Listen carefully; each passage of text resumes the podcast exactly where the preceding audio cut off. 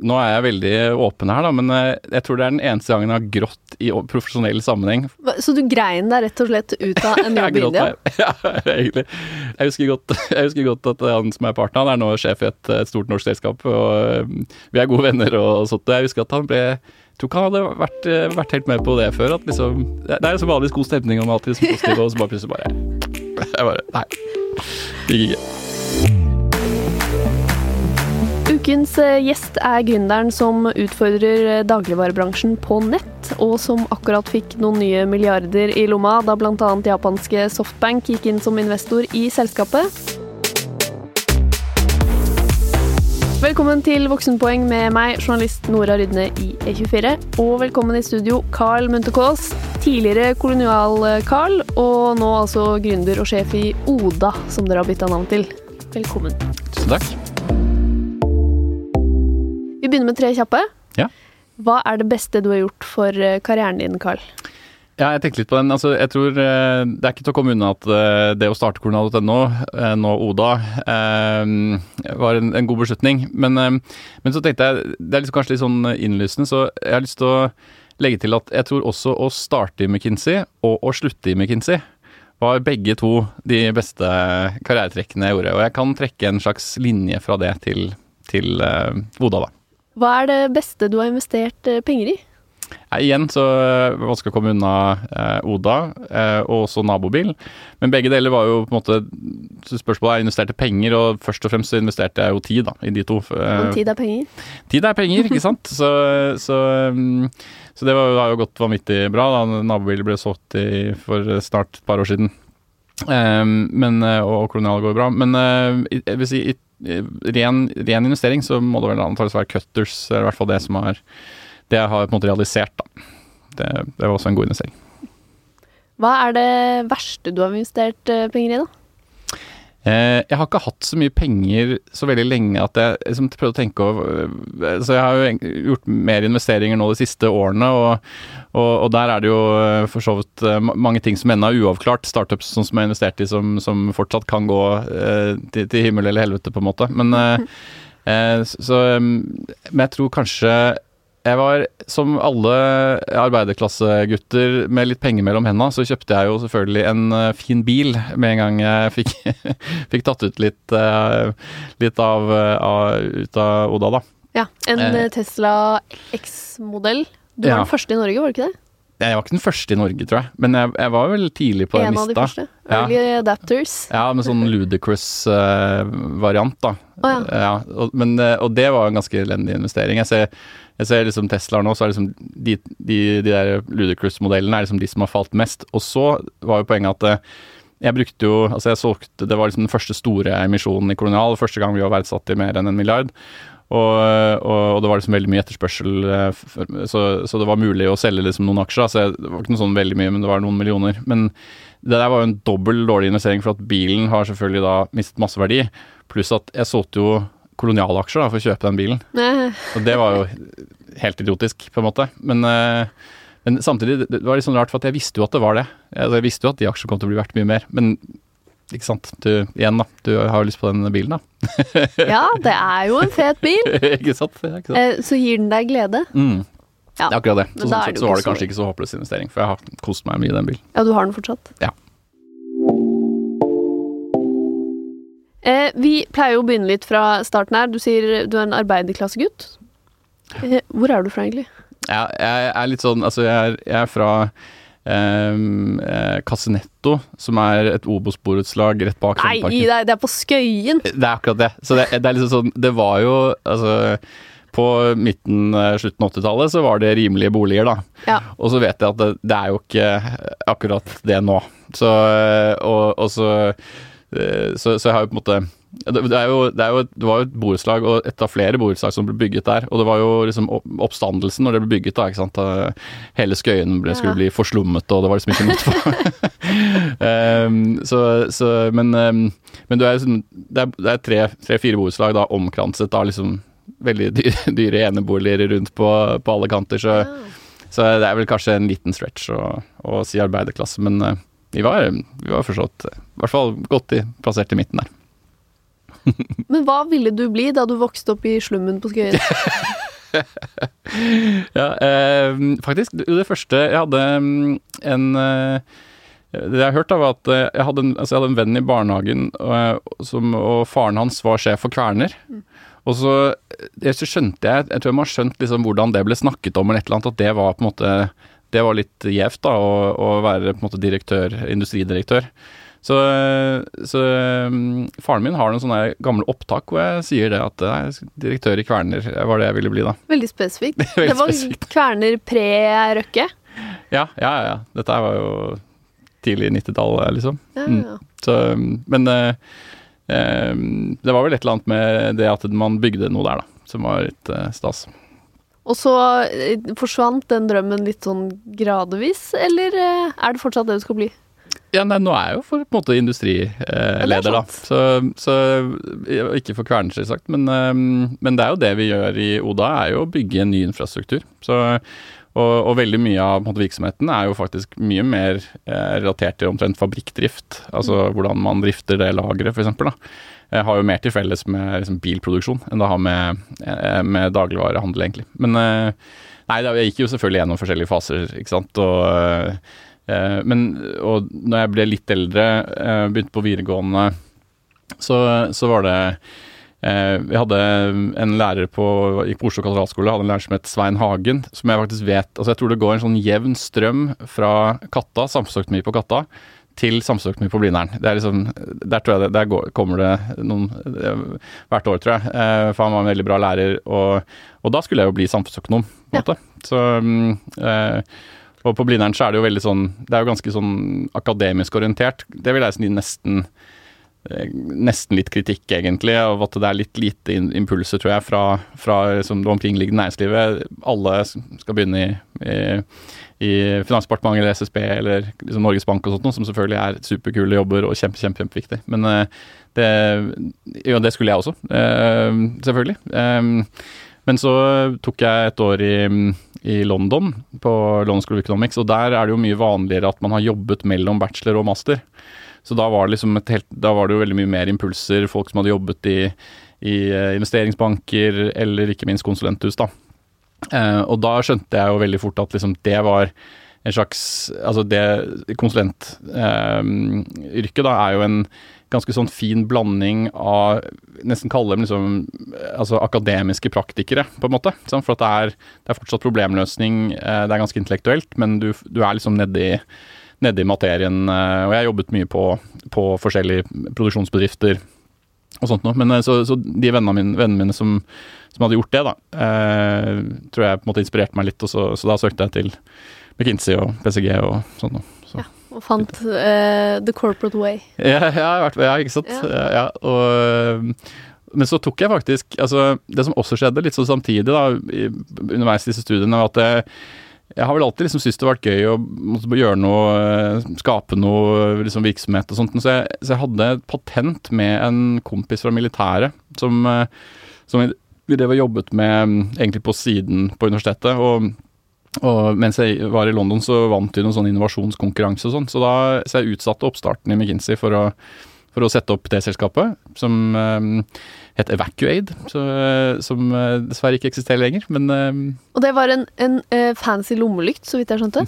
ja, ja det, det, er en, det, er en, nødlykt, så den ble brukt på oljeplattformen. Vi solgte den til London Metro og sånn. Um, så det var jo på en måte Det var jo noe, noe etterspørsel etter det og sånt, men jeg jeg tror at end of day så var det litt sånn Altså, det var ikke, det var ikke nok drag, og vi klarte ikke helt å måtte bygge et selskap rundt det. Eh, men, eh, men, jeg gjorde det eh, i noen måneder, så, men da hadde jeg tatt med kona mi fra, fra London, og hun ventet jo eh, Måtte jo vente ni måneder for å få arbeidstillatelse. Så, så, vi levde vel egentlig på et slags sånn gründerstipend, hun og jeg. Og så eh, satt jeg med den McKinsey-jobben som sto og venta. Eh, så til slutt så bare gikk vi tom for penger, egentlig. Så jeg måtte, um, jeg måtte hoppe over til, til McKinsey, da. Og så, eh, og så fortsatte, men um, da, men riktignok en annen venn av meg, da, um, fortsatte det, det, selskapet en del år til mens jeg jobbet i McKinsey. Og så tok, var jeg faktisk en kort uh, bit innom igjen etterpå. Men for da begynte ting å, å løsne litt, og vi fikk, fikk mye, begynte å få mye interesse på, fra, fra, andre og sånt nå. Og så men så så vi egentlig at det ikke helt funka, og så hoppet jeg av det igjen, men, men eh, det selskapet fortsatte et par år til før det. Altså, det ble liksom veien din ut av konsulentbransjen? På, på en måte, kanskje, ja. ja. Altså, det derre suget etter å måtte være gründer, da, det er jo det, er- det er nesten eh, Jeg tror for mange så er det det er omtrent ikke et valg, det er en slags nødvendighet. Til slutt så blir du Det er kjempegøy å, å, eh, å jobbe med store prosjekter, men til slutt så Problemet med konsulenttilværelsen er jo ofte at du får ikke gjennomført det. Sant? Du legger planene, og så må du bare krysse fingrene for at eh, klienten eh, faktisk syns det er en god idé og faktisk gjennomfører. Og du ser jo ikke alltid helt frukten av arbeidet heller. Så jeg tror jeg, jeg, tror jeg på en måte ivret etter å liksom Ja, nå har jeg lyst til å lage noe. Gjøre noe eget? Eget, eget ja, absolutt. Er det sånn at du liksom ikke likte å ha sjefer? Er du en av de gründerne? Du var sånn løs kanon?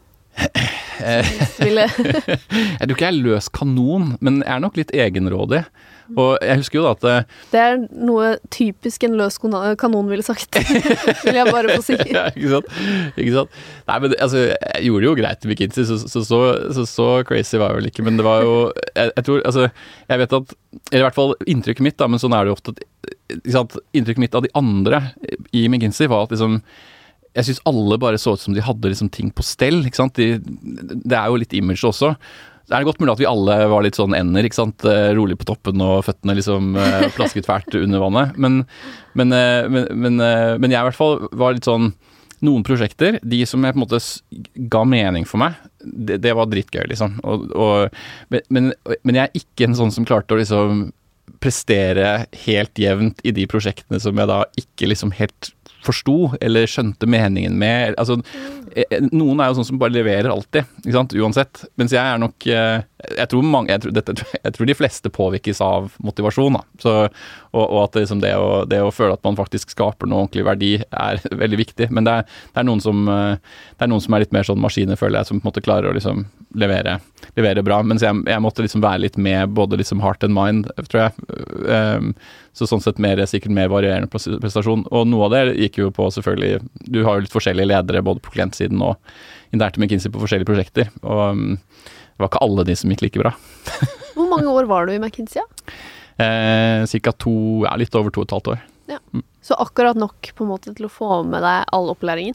Ja, jeg, jeg føler at det er eh, Altså eh, Det var i hvert fall ganske optimalt for meg, tror jeg. Jeg, jeg tror da da, da, får, da har du lært ganske mye, og så, eh, og så har du fått liksom stempelet litt. Du er liksom en del av denne gruppen, da. Den har vært veldig viktig. Altså, det er jo masse av investorene våre, eh, særlig tidligfaseinvestorer, som er McKinsey-kollegaer og sånt nå. Um, så, um, så de sier vel det at det, sånn, du skal i hvert fall forbi den første liksom, forfremmelsen din, helst, da. Ja. Men um, Og den naila du. ja da, ja, ja for så vidt. Så det Ja. var ikke noe sånn der, jeg var ikke noe sånn turbokjapp uh, på det. Jeg tror, jeg tror Man forfremmes vel sånn pluss-minus to år. Jeg var vel litt sånn litt pluss. Så Ja ja. Men uh, innen to år, så er ikke det greit, da? jo da, det er helt greit. Det er greit. Og, men uh, det, det som er gøy, er jo at liksom, når man er der, så disse tingene betyr jo enormt mye. Man ser til høyre og til venstre. Liksom, ok, ble han forfremmet nå? Ja, han ble forfremmet etter ett år og, og, og, og tre kvart år, liksom. eh, Oh. oh, ikke sant? Tre måneder før tiden. Ja, han, ble, ja, han ble forfremmet to måneder etter. Ja, ja, det går kanskje ikke så bra sånn. Og så spiller det jo bare ingen rolle, ikke sant. Men kjente du på det? Det er at du Ja, ja, selvfølgelig var sånn Ja, definitivt. definitivt. Jeg, altså, ehm, jeg husker jeg kom hjem Jeg var, jeg var et vanvittig langt prosjekt i India hvor jeg liksom hadde hvor jeg hadde liksom tro på at jeg kanskje kunne forfremmes etter det. Eh, og det var, et, det, var, det var et tøft prosjekt, altså, ikke minst fordi jeg rett og slett var eh, magesjuk hele tiden. Deli Belly? rett og slett. Og, og, og jobbet jo liksom, man, jobb, man er jo bare så da gjør du ikke noe særlig annet enn å jobbe. Eh, og det var, et, eh, det var for et stort norsk telekomselskap, eh, som for øvrig gikk i Det gikk jo ikke så bra sånn for selskapet der, sånn eh, over tid. Eh, så det var en ganske vanskelig oppgave, rett og slett, altså for klienten. da.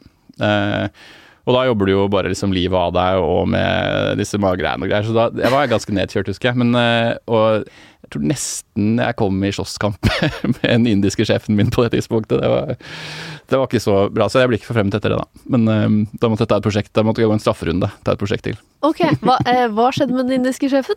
Nei, det vet jeg ikke. Jeg, det var en, var en indisk McKinsey-partner, bare. Men eh, jeg var, vi var litt uenige i Ja, vi var litt uenige i flere ting, tror jeg. Men uh, blant annet uh, De har jo en litt så spesiell måte å behandle hverandre på der borte, rett og slett. Litt mer hierarkisk. Ja, veldig. Veldig. Og, og det, er, det er- jo Altså, det gamle kassesystemet er jo fortsatt egentlig Ja. Eh, om ikke det er liksom på samme måte som Jeg er jo ikke noen historieekspert på India, men eh, jeg, jeg så jo ganske klare tegn til at det fortsatt levde i beste velgående.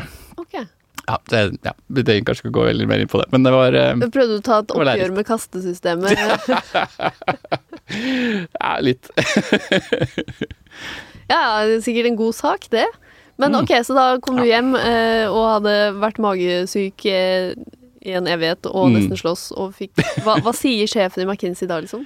Ja, det var det som Vet du hva, um, nå er jeg veldig åpen her, da, men eh, jeg tror det er den eneste gangen jeg har grått i profesjonell sammenheng. Fordi da, da snakket jeg med en norsk partner som har som eh, etter alt dette her da mente at dere sa liksom at ja, nei, vi, vi vil gjerne at du skal ta et sånt prosjekt til i den andre, et andre distrikt i India. Og da bare, bare brøt jeg sammen og sa vet du hva, nå må jeg bare hjem. Dette ble du fortalt mens du var i India? Ja, det var liksom helt India? på slutten av India, det India-prosjektet. Så ble jeg liksom bedt om å gjøre det samme prosjektet på nytt. Ja.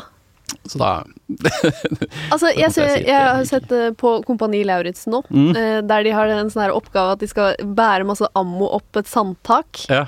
Og så når de har fylt den bilen med ammo, så Ja. kjører bilen ned igjen og legger alt ut, så må de kjøre en runde til. Ja, ja. Da begynner nesten alle å grine. Ja, du, det er, det, men det der er jo Sånn. et helt klassisk triks. Altså, det kjenner jeg igjen også fra militæret selv. Altså det, det, mest demotiverende du gjør, f.eks. Eh, liksom, du får alle sammen ned, gjør pushups, og så teller man til whatever, 30 eller noe sånt nå. Og så når, liksom, når du kommer til 30, så, bare, så begynner du å telle ned igjen. Sant? Altså, du tror du skal være ferdig til 30, og så begynner du sånn 29, 28, 27, 26, 27, 28, 27 oh. 26. Og da, det, det er jo da folk altså, For det er den derre oh, du er nesten ferdig. Ja. Og så, så akkurat sånn var det faktisk. Det var liksom, ok, Nå tenkte jeg nå skal jeg i hvert fall hjem snart. Så var det sånn Nei, vi vil gjerne at du skal ta et prosjekt til. Og da bare sa jeg det, det gjør jeg ikke. så du grein deg rett og slett ut av en jobb i India? Ja, egentlig. Jeg, tror han, eh, jeg, husker godt, jeg husker godt at han som er partner, han er nå sjef i et, et stort norsk selskap. Og eh, vi er gode venner og sånt. Jeg husker at han ble Jeg tror ikke han hadde vært, eh, vært helt med på det før. At liksom Det det er jo så vanligvis god stemning om alltid liksom positiv, og så bare plutselig bare Jeg bare Nei. Det gikk ikke. Da fikk du dra hjem. Ja. Men var det slutten på McKinsey-karrieren? Nei da. Så, men da jeg skal være ærlig på Da var jeg ganske demotivert, rett og slett. Og så tok jeg liksom Så tok jeg ett prosjekt til, og da fikk jeg den der jævla forfremmelsen. Og da kunne jeg slutte. Ok. Et ultimat fuck you til McKinsey. Nei, nei, nei, da, ikke det. Men det men bare Da var liksom eh, Da hadde du levela opp, og da var det greit. Ja, og, så, og det var også et sånn herre Det var også et sånn 85 timer i uka-prosjekt. Så, så selv, eh, selv liksom en Hvor gammel, gammel var jeg da? Kanskje 27-28 eller noe sånt noe. Eh, hadde mye energi, men eh, liksom til slutt så Så da bare tenker du at nei, bare gidder ikke. Ja. Så i sens tenkte du eh, bli gründer. Da jobber man jo nesten ikke.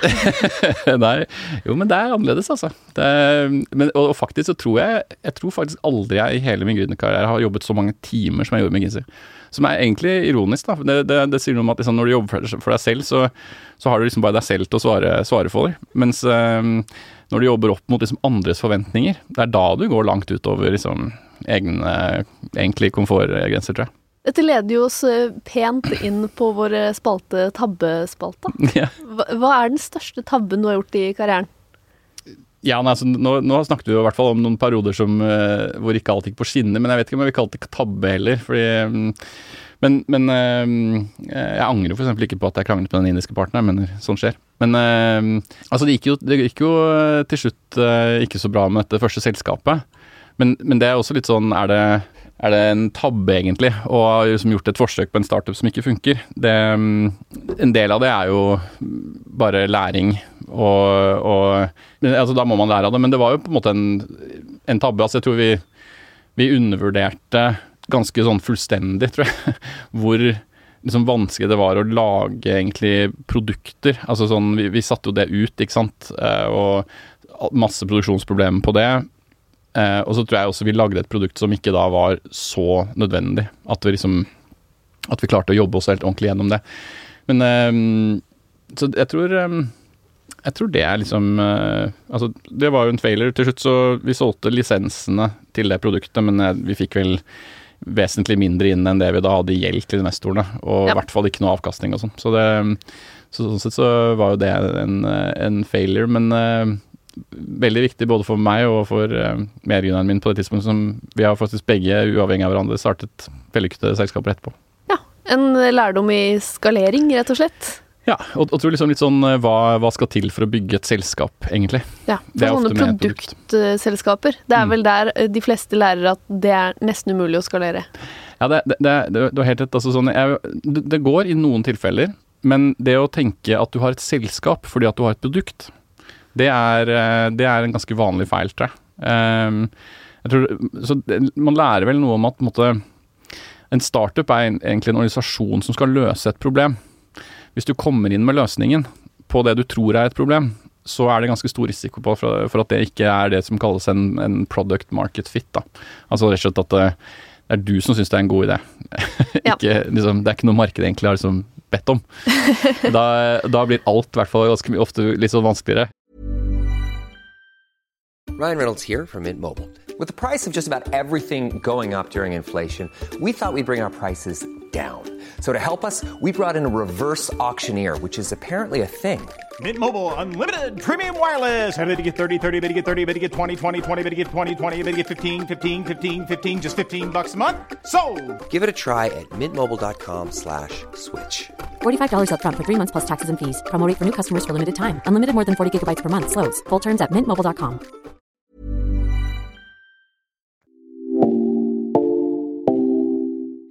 Og så ble det også, etter at det gikk eh, på trynet, så kom du faktisk til Skipsted. Hit. Ja, det er helt riktig. Så det var altså Etter McKinsey så var det da, ikke sant, ut og, og eh, litt tilbake, kort tid tilbake til Evacuate. Men så, um, så begynte vi faktisk med det som skulle bli kolonial, da. Um, så Vegard Vik, eh, eh, kollegaen min fra McKinsey, eh, vi, mm, vi jobbet med det en periode hvor vi tenkte at eh, altså Da jobbet vi masse forskjellige løsninger. Først, først og fremst så hadde vi en forretningsplan som var litt sånn bygge mange Vi var veldig opptatt av hentepunkter. så liksom Mange hentepunkter skulle vi ha, og et stort lager og ganske stort kapitalbehov og sånn. Og så, og så fikk vi en del, en del kapital øh, Men altså, vi tok det ikke inn. Altså, vi fikk fylt opp boka et godt stykke, men så ikke helt til det Ca. halvveis, da. Men ikke helt opp til de det var 60 millionene vi skulle ha, eller noe sånt nå. Så, og da, da hadde vi, følte vi ikke hadde nok til, liksom, til å sette i gang, så vi, så vi la det. Og da, da jeg jobbet jeg i Schibsted, så da gikk vi liksom litt over til å si ok, la oss bare jobbe litt på dette på si.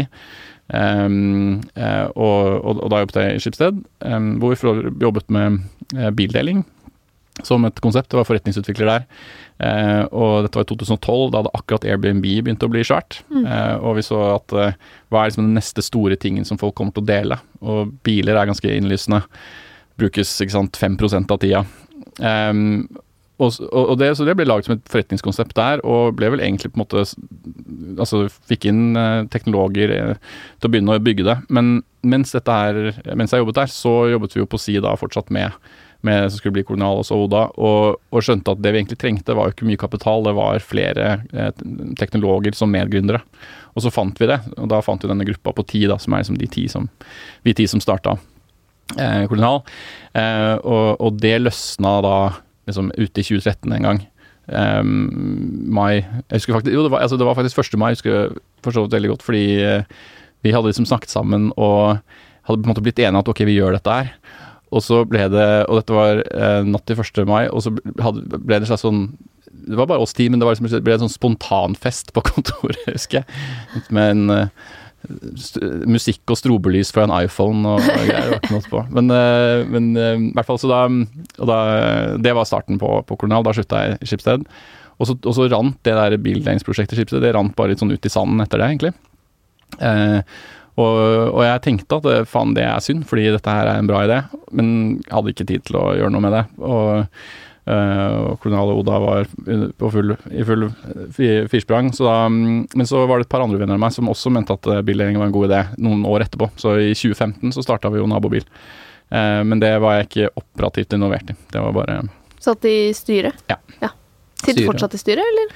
Nei, for, så det ble jo solgt, da. Eh, noen år etterpå. Til eh, et svært eh, amerikansk bildelingsselskap som heter Getaround, som av alle ting faktisk også har Softbank som eier. Hei, Mm. Softbank eh, kommer til å ta over Norge snart. De er på full vei inn.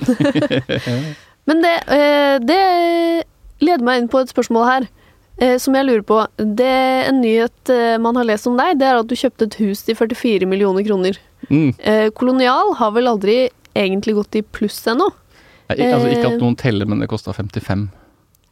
55, ja. Sorry. Feilinformasjon.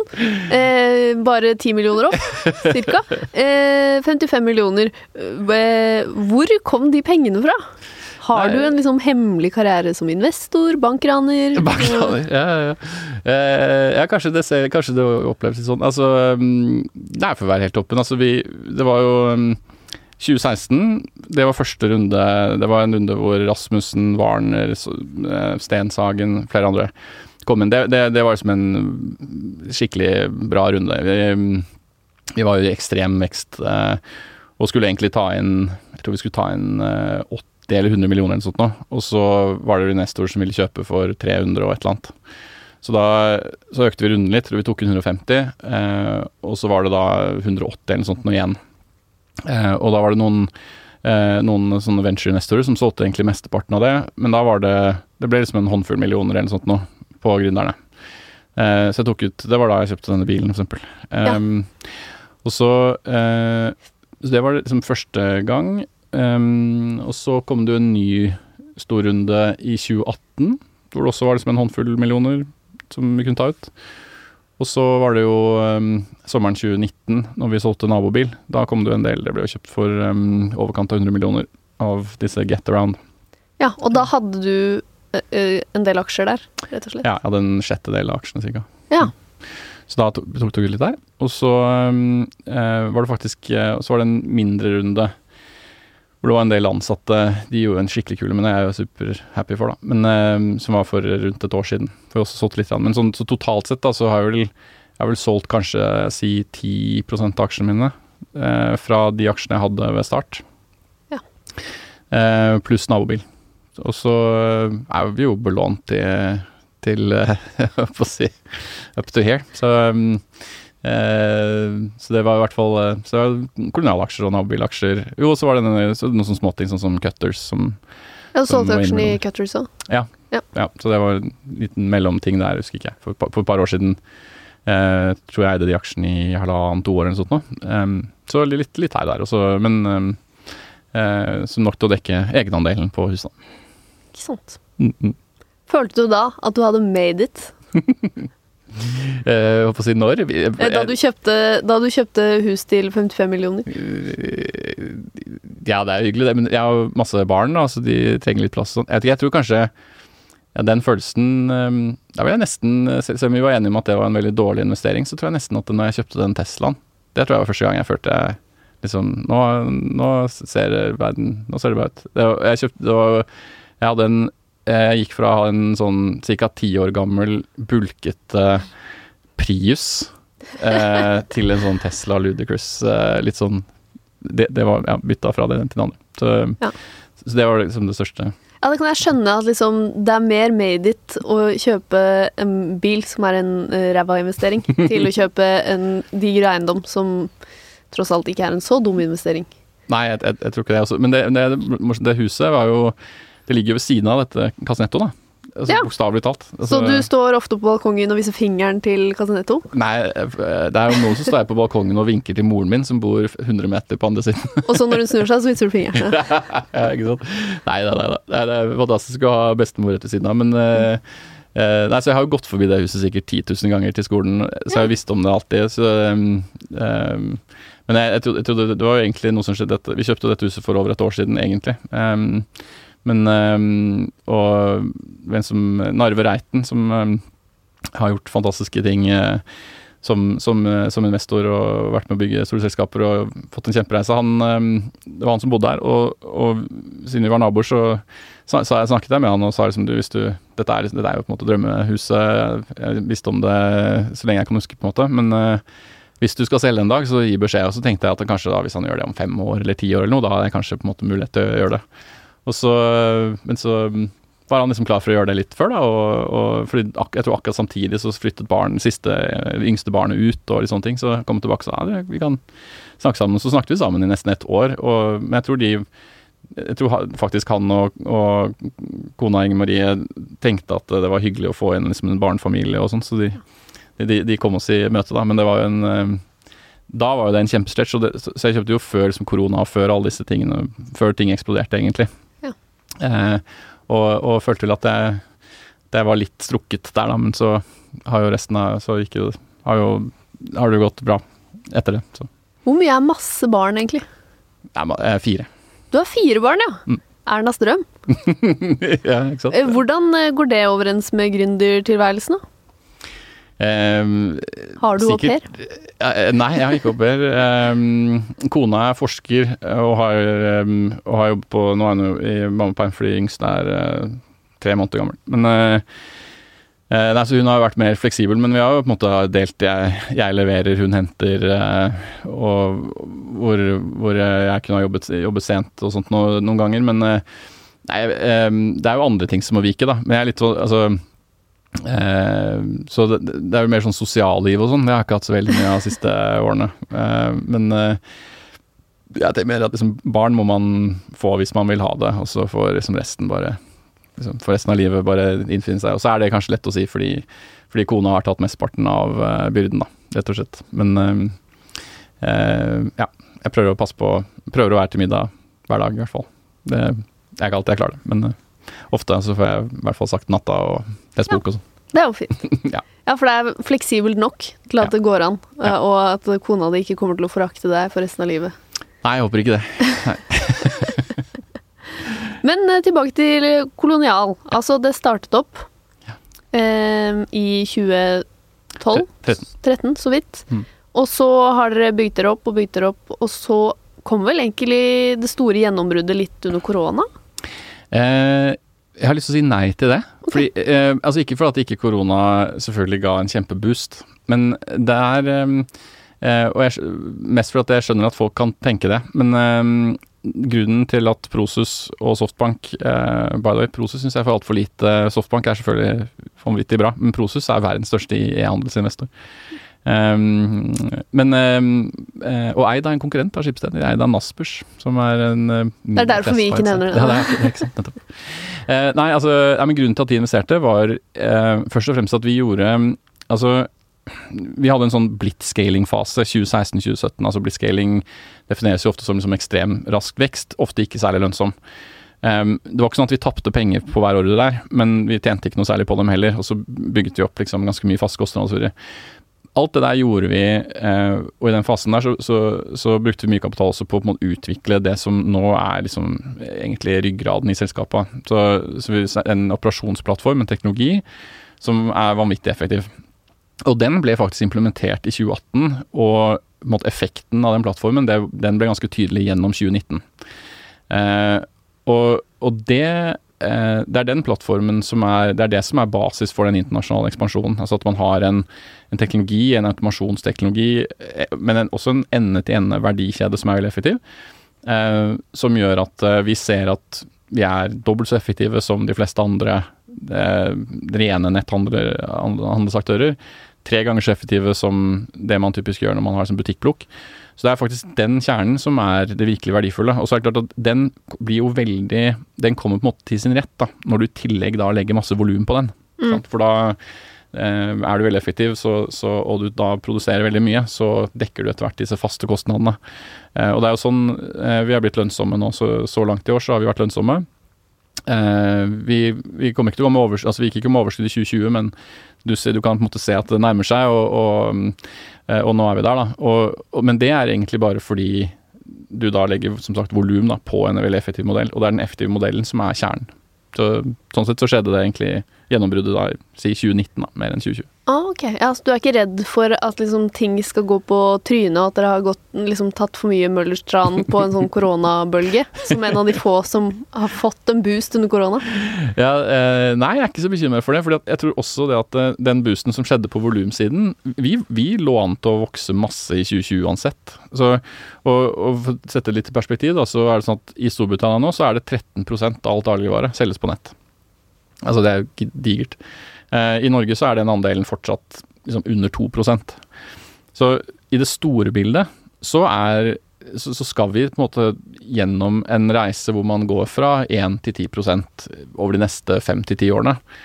Eh, og i den reisen der så er jo egentlig korona bare en liten sånn blipp. Ja. Um, men, um, så, så, men tror nok det er mange, men det er mange, vi ser at det er mange nye kundesegmenter som har liksom oppdaget netthandel. Men det som er utrolig gøy, da, er jo at de blir der jo. Og gjennom både når det er lockdowns og ikke lockdowns, så fortsetter veksten. Vi har jo bare vokst, altså vi vokste masse i den første lockdown, selvfølgelig. Men så fortsetter vi jo bare å vokse utover.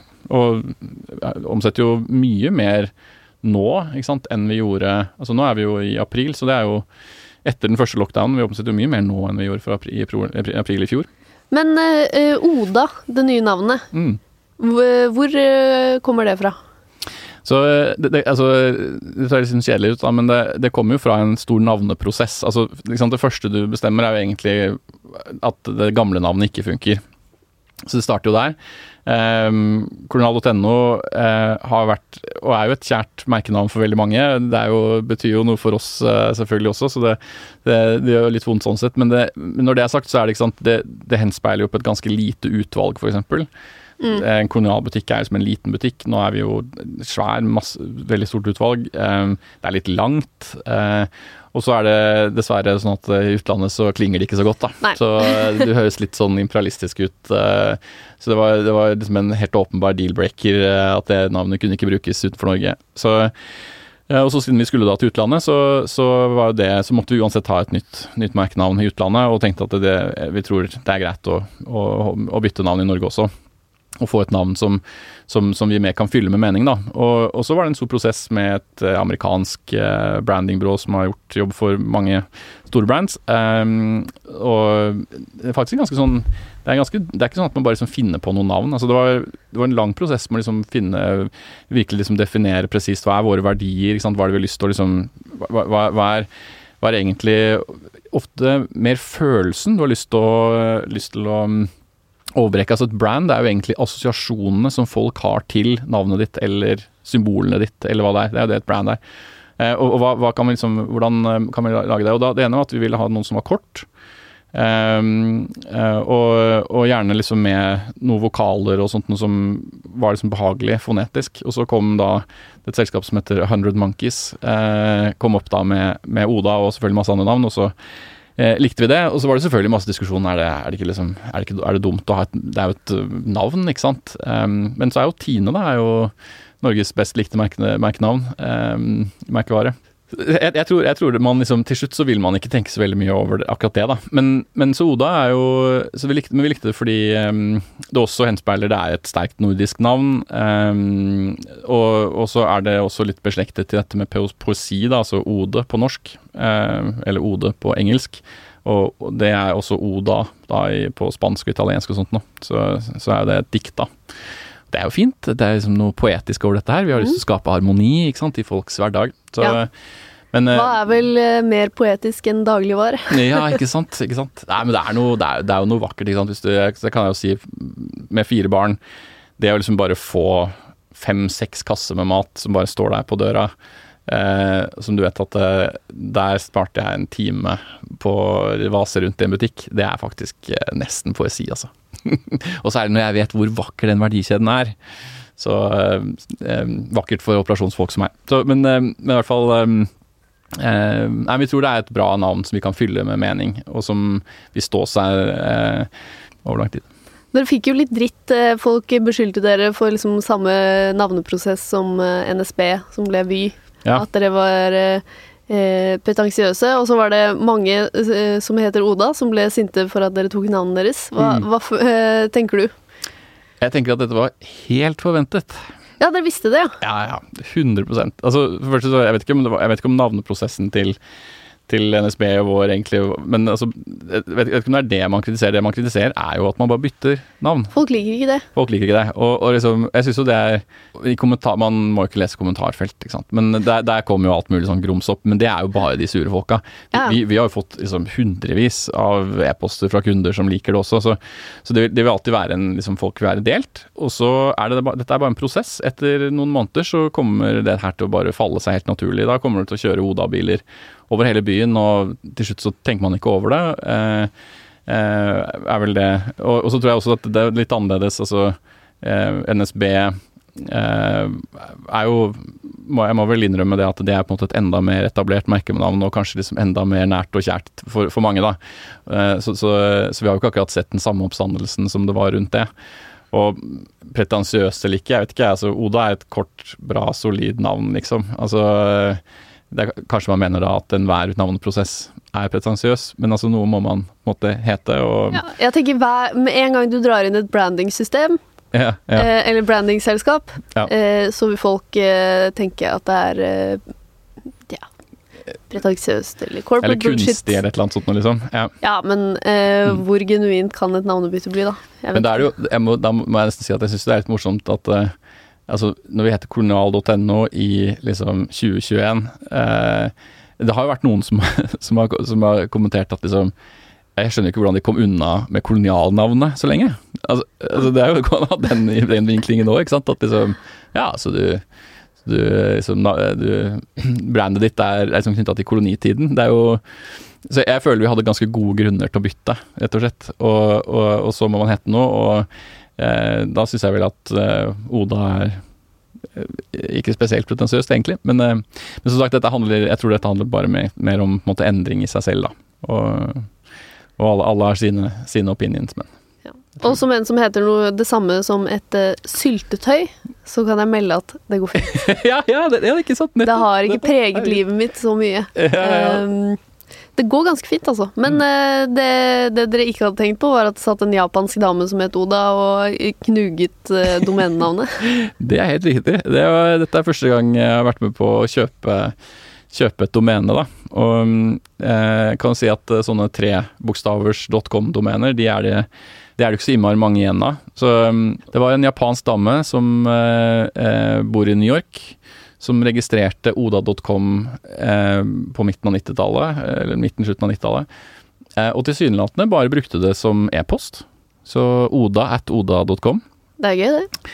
Ja. ehm, så, og, og eh, jeg har jo, jo avslått i pressen at vi måtte jo betale ganske dyrt til slutt da, for det. Hun var en, eh, hun var en iskald forhandler. Altså. Jeg var helt eh, tenkte liksom hvis det brukes ikke til noen ting, der er liksom ikke merket navn. Først så tenkte jeg jo fantastisk, ikke sant. Altså Hvis det var et eller annet selskap som het Oda, så ville det vært antageligvis umulig å få tak i det. Hun har nok helt sikkert fått en del tilbud opp igjennom. Um, så jeg kan jo vi, Altså, vi, vi endte jo med å betale i overkant av én million dollar. Og jeg tenkte sånn? Og hun liksom 200 000 dollar. Ja, da, da tok hun liksom en samtale med han megleren, da, men det var, det var liksom et stykke unna. Og vi økte til 500 000 dollar. Svarte ikke.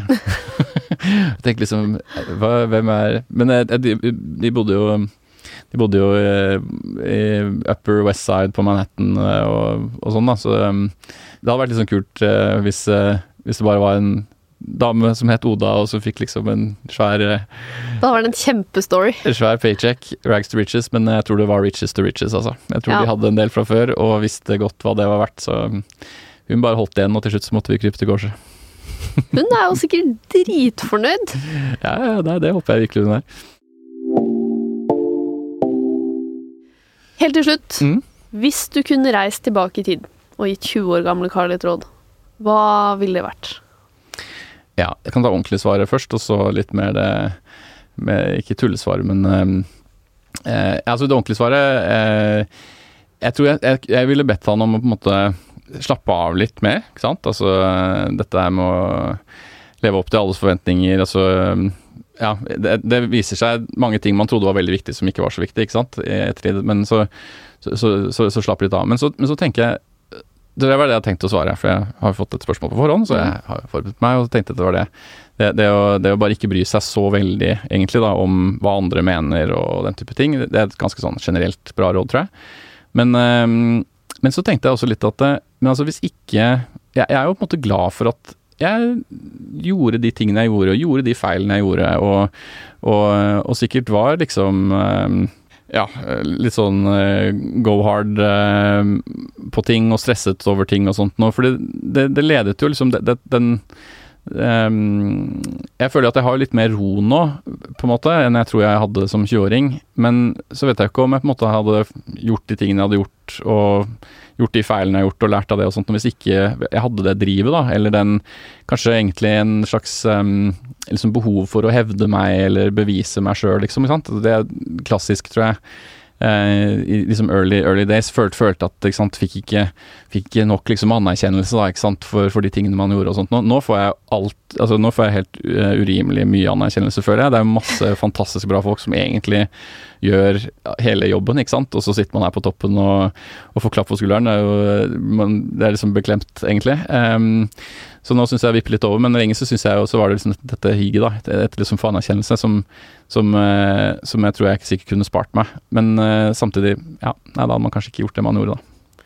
Nei, det er òg et uh, poeng, det. Ja. Du hadde kanskje ikke vært der du er. Og så hadde, vet du hva, en annen ting at Carl 20 år hadde ikke hørt på Carl 40 år uansett, så hadde det ikke spilt noen rolle. Det er jo sant. 20 år gamle Carl hadde vel mer vært opptatt av hvilken bil har du? Jeg, jeg, jeg, vet hva, jeg tror ikke jeg har vært så opptatt av det, men liksom eh, i hvert fall følte at jeg visste best, da sikkert. Eh, selv om jeg kanskje egentlig ikke følte at jeg visste best, jeg vet ikke. Men eh, jeg, jeg, tror det ironiske er jo det at eh, jeg er sikker på at de rådene her, de fikk jeg sikkert av noen òg. Det er det som er poenget, ikke sant. Altså, så det handler jo ikke egentlig om hvilke råd man får. Det hjelper ikke. Du må faktisk gjøre masse feil sjøl før du lærer. Det jeg tror jeg bare hadde latt han skure og gå, jeg. Kloke ord. Fra Carl 40. ja, ikke sant. Tusen takk for at du kom hit i dag, Carl Munthe-Kaas, altså gründer og sjef i Oda, tidligere kolonial.no. Takk skal du ha.